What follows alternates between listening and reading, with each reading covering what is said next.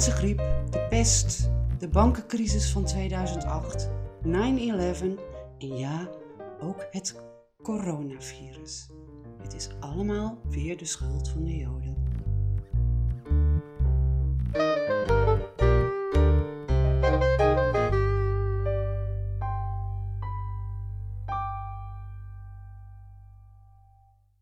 Ik ben Jacqueline Lohman en welkom bij deze extra IB-podcast over corona en Israël.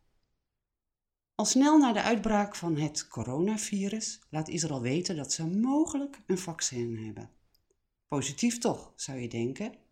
Nou, de respons hierop was dat bepaald niet. Zie je wel, alles voor de macht. Israël heeft het virus zelf gemaakt en komt nu, heel toevallig, met een remedie. Je zou dit soort opmerkingen kunnen weglachen. Ze zijn te belachelijk voor woorden. Maar het afschuwelijke is dat veel mensen, en vooral in het Midden-Oosten, dit echt geloven. Het is koren op de molen van de complotdenkers en de jodenhaters. Weet je, antisemitisme wordt ook wel eens vergeleken met een muterend virus. En die vergelijking klopt zo. Antisemitisme is er altijd, maar steeds weer in een nieuw jasje. Maar wat zit hier nu werkelijk achter? Daarvoor geef ik nu de microfoon over aan Ton Stier van Stichting Israël in de Bijbel.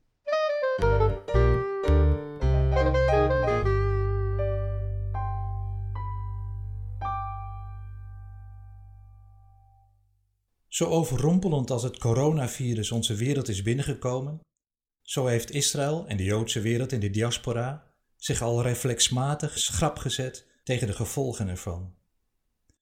Ik bedoel nu even niet de maatregelen die genomen worden om het gezondheidsgevaar van het virus tot het minimum te beperken, ook niet de zorg over al of niet voldoende intensive care capaciteit in Israël. Ik bedoel ook niet de logistieke uitdaging van het Israëlische leger om de veiligheid van het land te kunnen waarborgen, en ook niet de zorg van seculiere Israëli's over de belofte van een invloedrijke rabbijn in het ultra-orthodoxe Bnei Brak dat het virus daar geen vat op de bevolking zal hebben. Wat ik bedoel is dat andere virus, dat sinds het ontstaan van het Joodse volk de aarde heeft besmet. Het virus van antisemitisme, dat net als het coronavirus zich niet tot een bepaalde regio beperkt, maar een echte pandemie is, met een virus die ook nog eens voortdurend muteert. Want bij elk onheil dat de wereld treft, ontstaat er een complottheorie dat Joden er de oorzaak van zijn. Met andere woorden, als er ergens een epidemie in de wereld uitbrak, moesten de Joden voor hun leven vrezen. Niet vanwege de epidemie zelf, maar vanwege de overtuiging dat zij de veroorzakers waren. Waarom? Omdat zij relatief minder getroffen werden. Dat dat het gevolg was van hun hygiënische reinigingswetten, werd natuurlijk volledig over het hoofd gezien. Bedenk overigens dat kennis over de bacteriologie pas in de 19e eeuw door Robert Koch goed op gang is gekomen. De reinigingswetten waarmee God zijn volk beschermde, was de medische wetenschap dus al eeuwen vooruit. Dat in onze tijd de productie en verspreiding van het coronavirus op tientallen Facebookpagina's op het konto van de Joden wordt gezet, is trouwens het gevolg van een andere complottheorie. En die gaat als volgt. Al snel na de uitbraak kondigde Israël aan dat zij mogelijk een vaccin tegen het virus hebben ontwikkeld. En je voelt hem al aankomen. Dat kon natuurlijk geen toeval zijn. Een nieuwscommentator op een Turkse televisiezender wist het zeker. Israël heeft het coronavirus zelf gemaakt en nu komt het land met een remedie. Misschien denk je, nou ja, dat is Turkije. Van hen zijn we zulke anti-Israël retoriek wel gewend. Maar pas op, ook in ons land wordt ten aanzien van het coronavirus met argusogen naar Israël gekeken. De Haagse moslimpoliticus Arnoud van Doren vroeg zich op Twitter af of het Israëlische onderzoekscentrum, waar het vaccin is ontwikkeld, toevallig hetzelfde lab is waar eerder het virus zelf werd ontwikkeld. Een duidelijke suggestie dat Israël de veroorzaker van deze ellendige pandemie is. En natuurlijk doet vooral in het Midden-Oosten de complottheorie de ronde dat Israël met dit virus zijn vijanden een gevoelige klap wil uitdelen. Het feit dat Israëls aardsvijand Iran ernstig door het virus is getroffen, zou die theorie alleen maar bevestigen. De voormalige Iraanse president Ahmadinejad twitterde dat het virus in een laboratorium is gemaakt en dat het een opgelegd probleem is door de VS en Israël. Voor veel columnisten in Saoedi-Arabië en Syrië is de vraag of Israël en Amerika erachter zitten al lang geen vraag meer, maar gewoon een feitelijke constatering. En zoals gezegd, evenals het coronavirus de potentie heeft om te muteren, muteert ook het antisemitisme met zijn verwante complottheorieën met de ontwikkelingen in de wereld mee. Denk alleen maar aan 9-11, de aanslag op het New Yorkse World Trade Center. Dat moest toch wel een Joods complot zijn? Bewijs? Er waren naar verhouding weinig Joodse slachtoffers. We zullen straks verder ingaan op wat de Bijbel zegt over de oorsprong van het antisemitisme. Maar ik noem nu alvast een belangrijke component waar de volken zich eeuwenlang aan geërgerd hebben.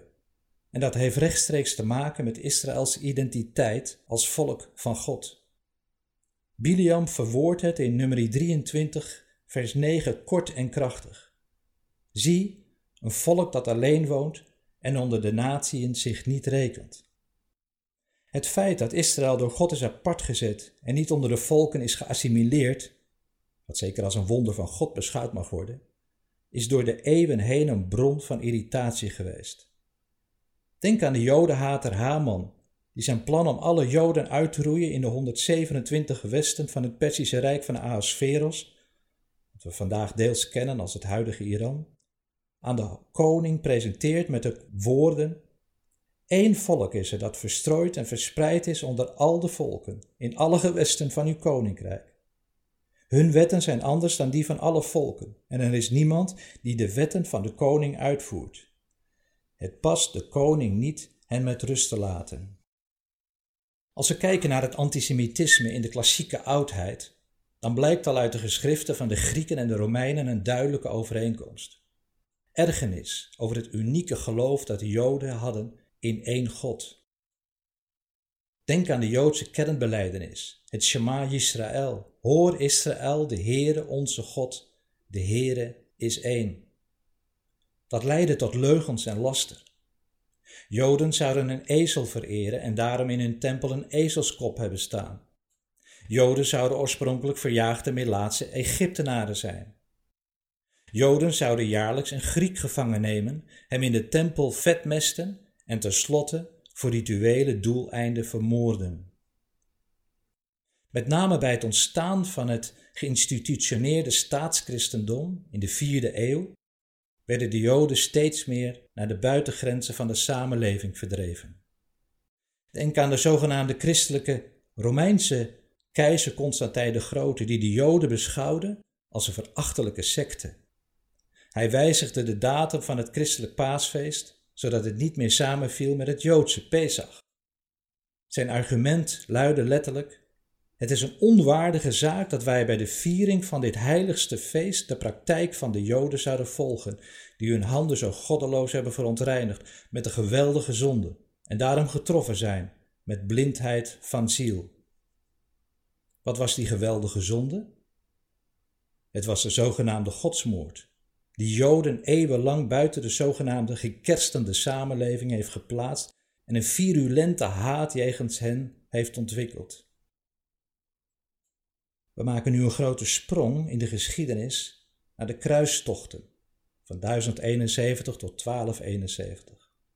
Een bekende uitspraak uit die tijd luidde: Zie, wij leggen grote afstanden af om de plaats van het heilige graf op te zoeken en ons op de moslims te wreken. En zie, hier onder ons wonen de Joden die de onschuldige Christus hebben omgebracht en gekruisigd. Laten wij ons dan eerst op hen wreken en hen onder de volken verdelgen, zodat de naam Jood niet meer zal worden genoemd. Wie denkt bij dit laatste niet aan de woorden van Israëls vijanden, zoals verwoord in Psalm 83? Kom, zeiden zij, laten wij hen uitroeien, zodat ze geen volk meer zijn en niet meer aan de naam van Israël gedacht wordt. De paus en de bisschoppen bepaalden in 1215 dat Joden zich in hun kleding moesten onderscheiden, zodat men niet per ongeluk een relatie met een Jood kon aangaan. Op veel plaatsen in Europa moesten Joden een gele vlek of ring op hun kleding dragen. De enige manier voor hem om hieraan te ontkomen was de bekering tot het zogenaamde christendom. Weer een sprong in de geschiedenis brengt ons bij de Inquisitie. In 1478 gaf de paus het Spaanse koningshuis toestemming om Joden die hun geloof trouw blijven te vervolgen. Talloze Joden werden door een instelling van de kerk, de Inquisitie, op de brandstapel gezet. In 1492 besluit de Spaanse koning Ferdinand om alle Joden uit Spanje te verbannen. Zo werden 158.000 Joden uit Spanje verdreven. Weer een grote sprong in de geschiedenis naar de Reformatie in de 16e eeuw. En dat brengt ons bij Luthers traktaat tegen de Sabbatisten.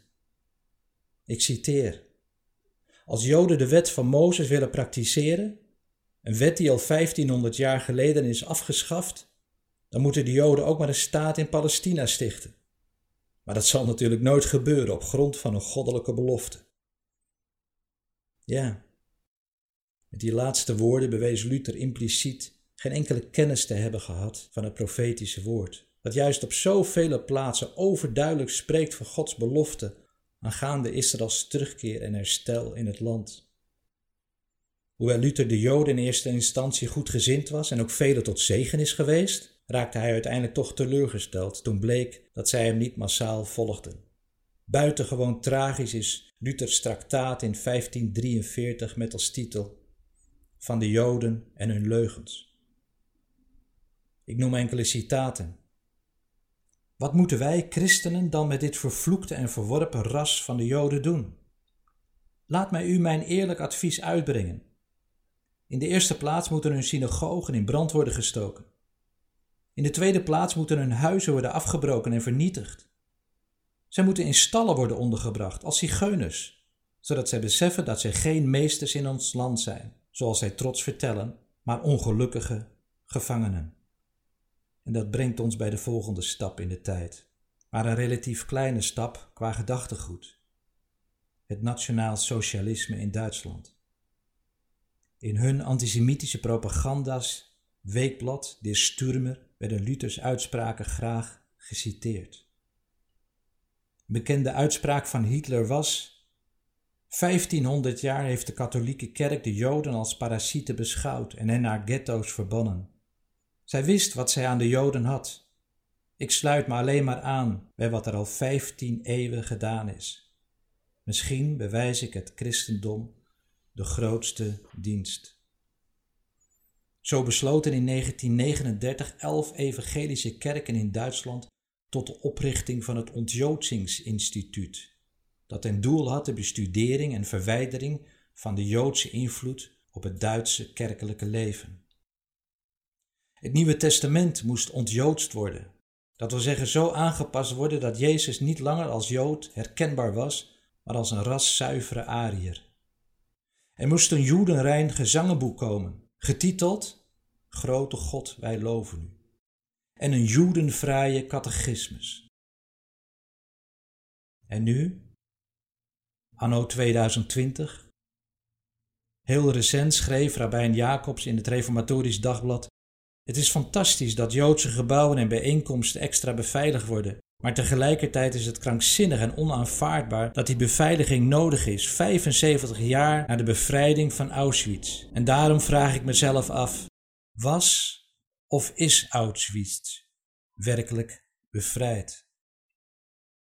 Richten we onze blik nu even op het Midden-Oosten en de islam, dan blijkt dat het virus van antisemitische karikaturen en complottheorieën voornamelijk uit Europa naar deze regio zijn overgewaaid. En dan gaat het met name om het aloude complot dat Joden rituele moorden op christenkinderen begaan, omdat zij hun bloed nodig hebben voor het deeg van zuivere matzes voor Pesach. Een Europees complotvirus dat inmiddels is gemuteerd met de gedachte dat ook het bloed van islamitische kinderen daarvoor in aanmerking komen. We gaan even terug in de tijd toen Mohammed nog positief tegenover de Joden stond. Zij waren immers het volk van het boek. Hij verwacht in eerste instantie ook Joden te kunnen winnen voor de islam. Er is zelfs sprake geweest om een samenlevingsverband te ontwerpen die ook wel de constitutie van Medina wordt genoemd. Daarin zouden Joden beschermd worden tegen de vijanden en zouden ze alle vrijheid hebben om hun godsdienst uit te oefenen.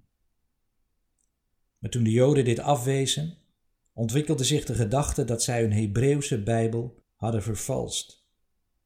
Uiteindelijk verklaarde Mohammed hen de jihad, de heilige oorlog, en kregen Joden in het gunstigste geval de status van dimis, oftewel tweederangs burgers. In de perceptie van de islam hebben Joden immers Mohammed tegen beter weten in verworpen. En dat maakt hen tot grotere vijanden van de islam dan de christenen, die door onkunde misleid zouden zijn. Toch veranderde binnen de islam het beeld van de Jood pas dramatisch bij de oprichting van de staat Israël. De Jood bleek niet langer irrelevant. Hij was niet langer de dimi, de tweede rangs burger, maar bleek een serieuze speler op het wereldtoneel en met name in het Midden-Oosten. Werd het Sionistische gedachtegoed eerst gezien als een verlengstuk van het westerse imperialisme?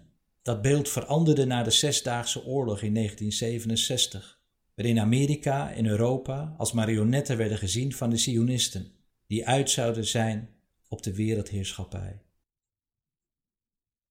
Overigens wordt daarvoor weer dankbaar gebruik gemaakt van de klassieke Europese antisemitische geschriften, zoals de beruchte protocollen van de Wijze van Sion, waarin het Sionistisch congres in Basel in 1897 niets anders zou zijn dan een Joodse samenswering om een Joodse wereldheerschappij op te richten. Literatuur, die natuurlijk niet het predicaat literatuur verdient, maar die wereldwijd wel een soort pandemie heeft veroorzaakt.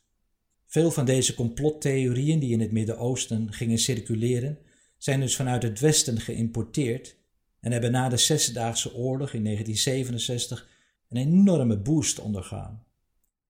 Was in de klassieke wereld van de islam de rol van de Joden grotendeels uitgespeeld? Nu moesten nieuwe maatregelen genomen worden tegen de zogenaamde Zionistische entiteit. Zo verscheen in 1983 het boek de Matza van Sion van de toenmalige Syrische minister van Defensie Mustafa Klas. Een standaardwerk dat ook nog wetenschappelijk zou zijn gedocumenteerd. Je kunt daarin lezen dat volgens de Talmud rituele moorden behoren tot de ethiek van de Joodse religie. Het gaat in de Matza van Sion onder andere over een moord op de priester Thomas al-Bakushi in 1840 in Damascus. Een groep Joden zouden hem hebben vermoord om zijn bloed te kunnen aftappen. Bloed dat nodig was om daarmee koeken te bakken voor Yom Kippur.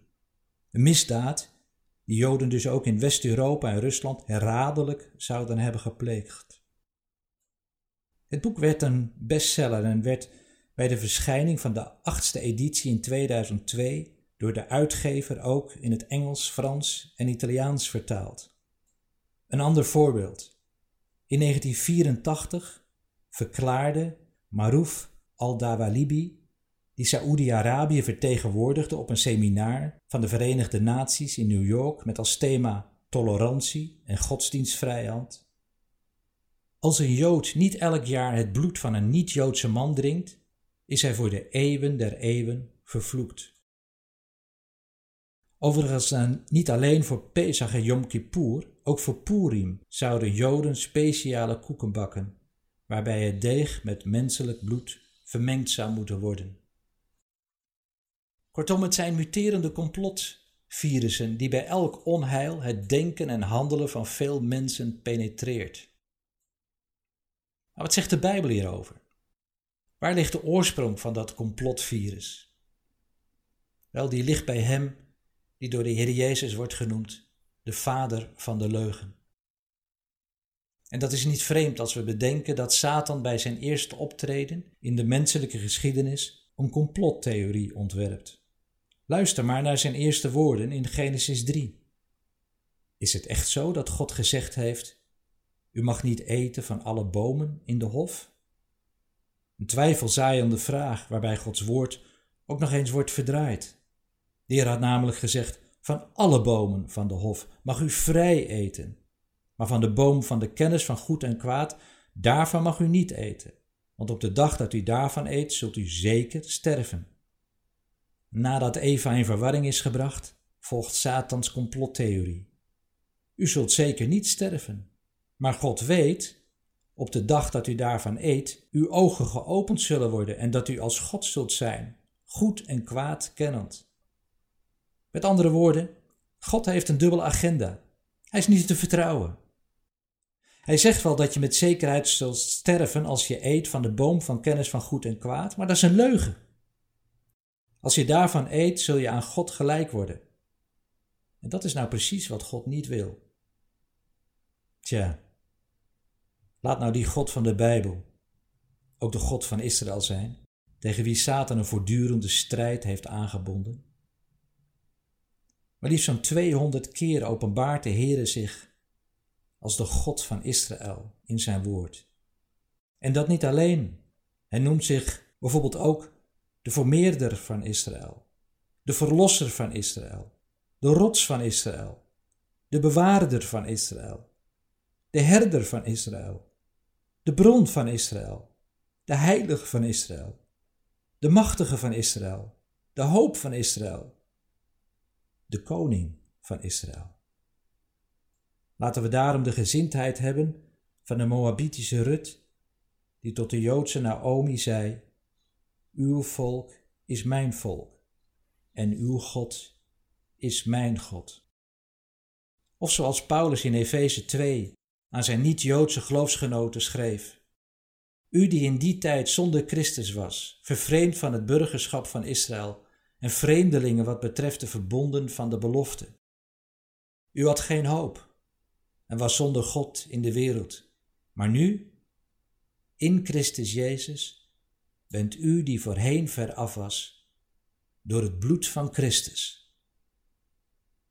Tussen haakjes het ware Joodse paaslam. Dichtbij gekomen.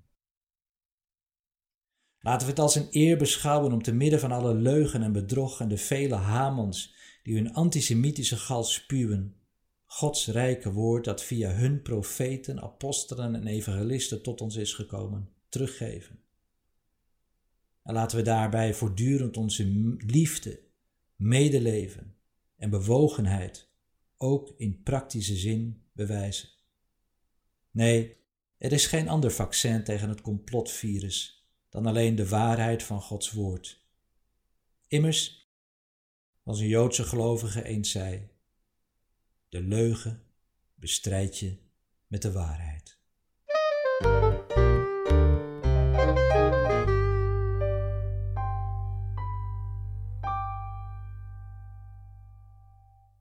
Ton, dankjewel. Lieve luisteraar, jij ook bedankt. En misschien mag ik je iets vragen. Heb het Joodse volk lief en bid voor hen. Het is nodig. Meld je aan voor onze gebedsapp en het zou ook zo fijn zijn als je deze podcast of andere podcasts zou delen met je vrienden, familie of collega's. Dat kan heel gemakkelijk. Tot gauw. Blijf gezond. Dag en vooral shalom.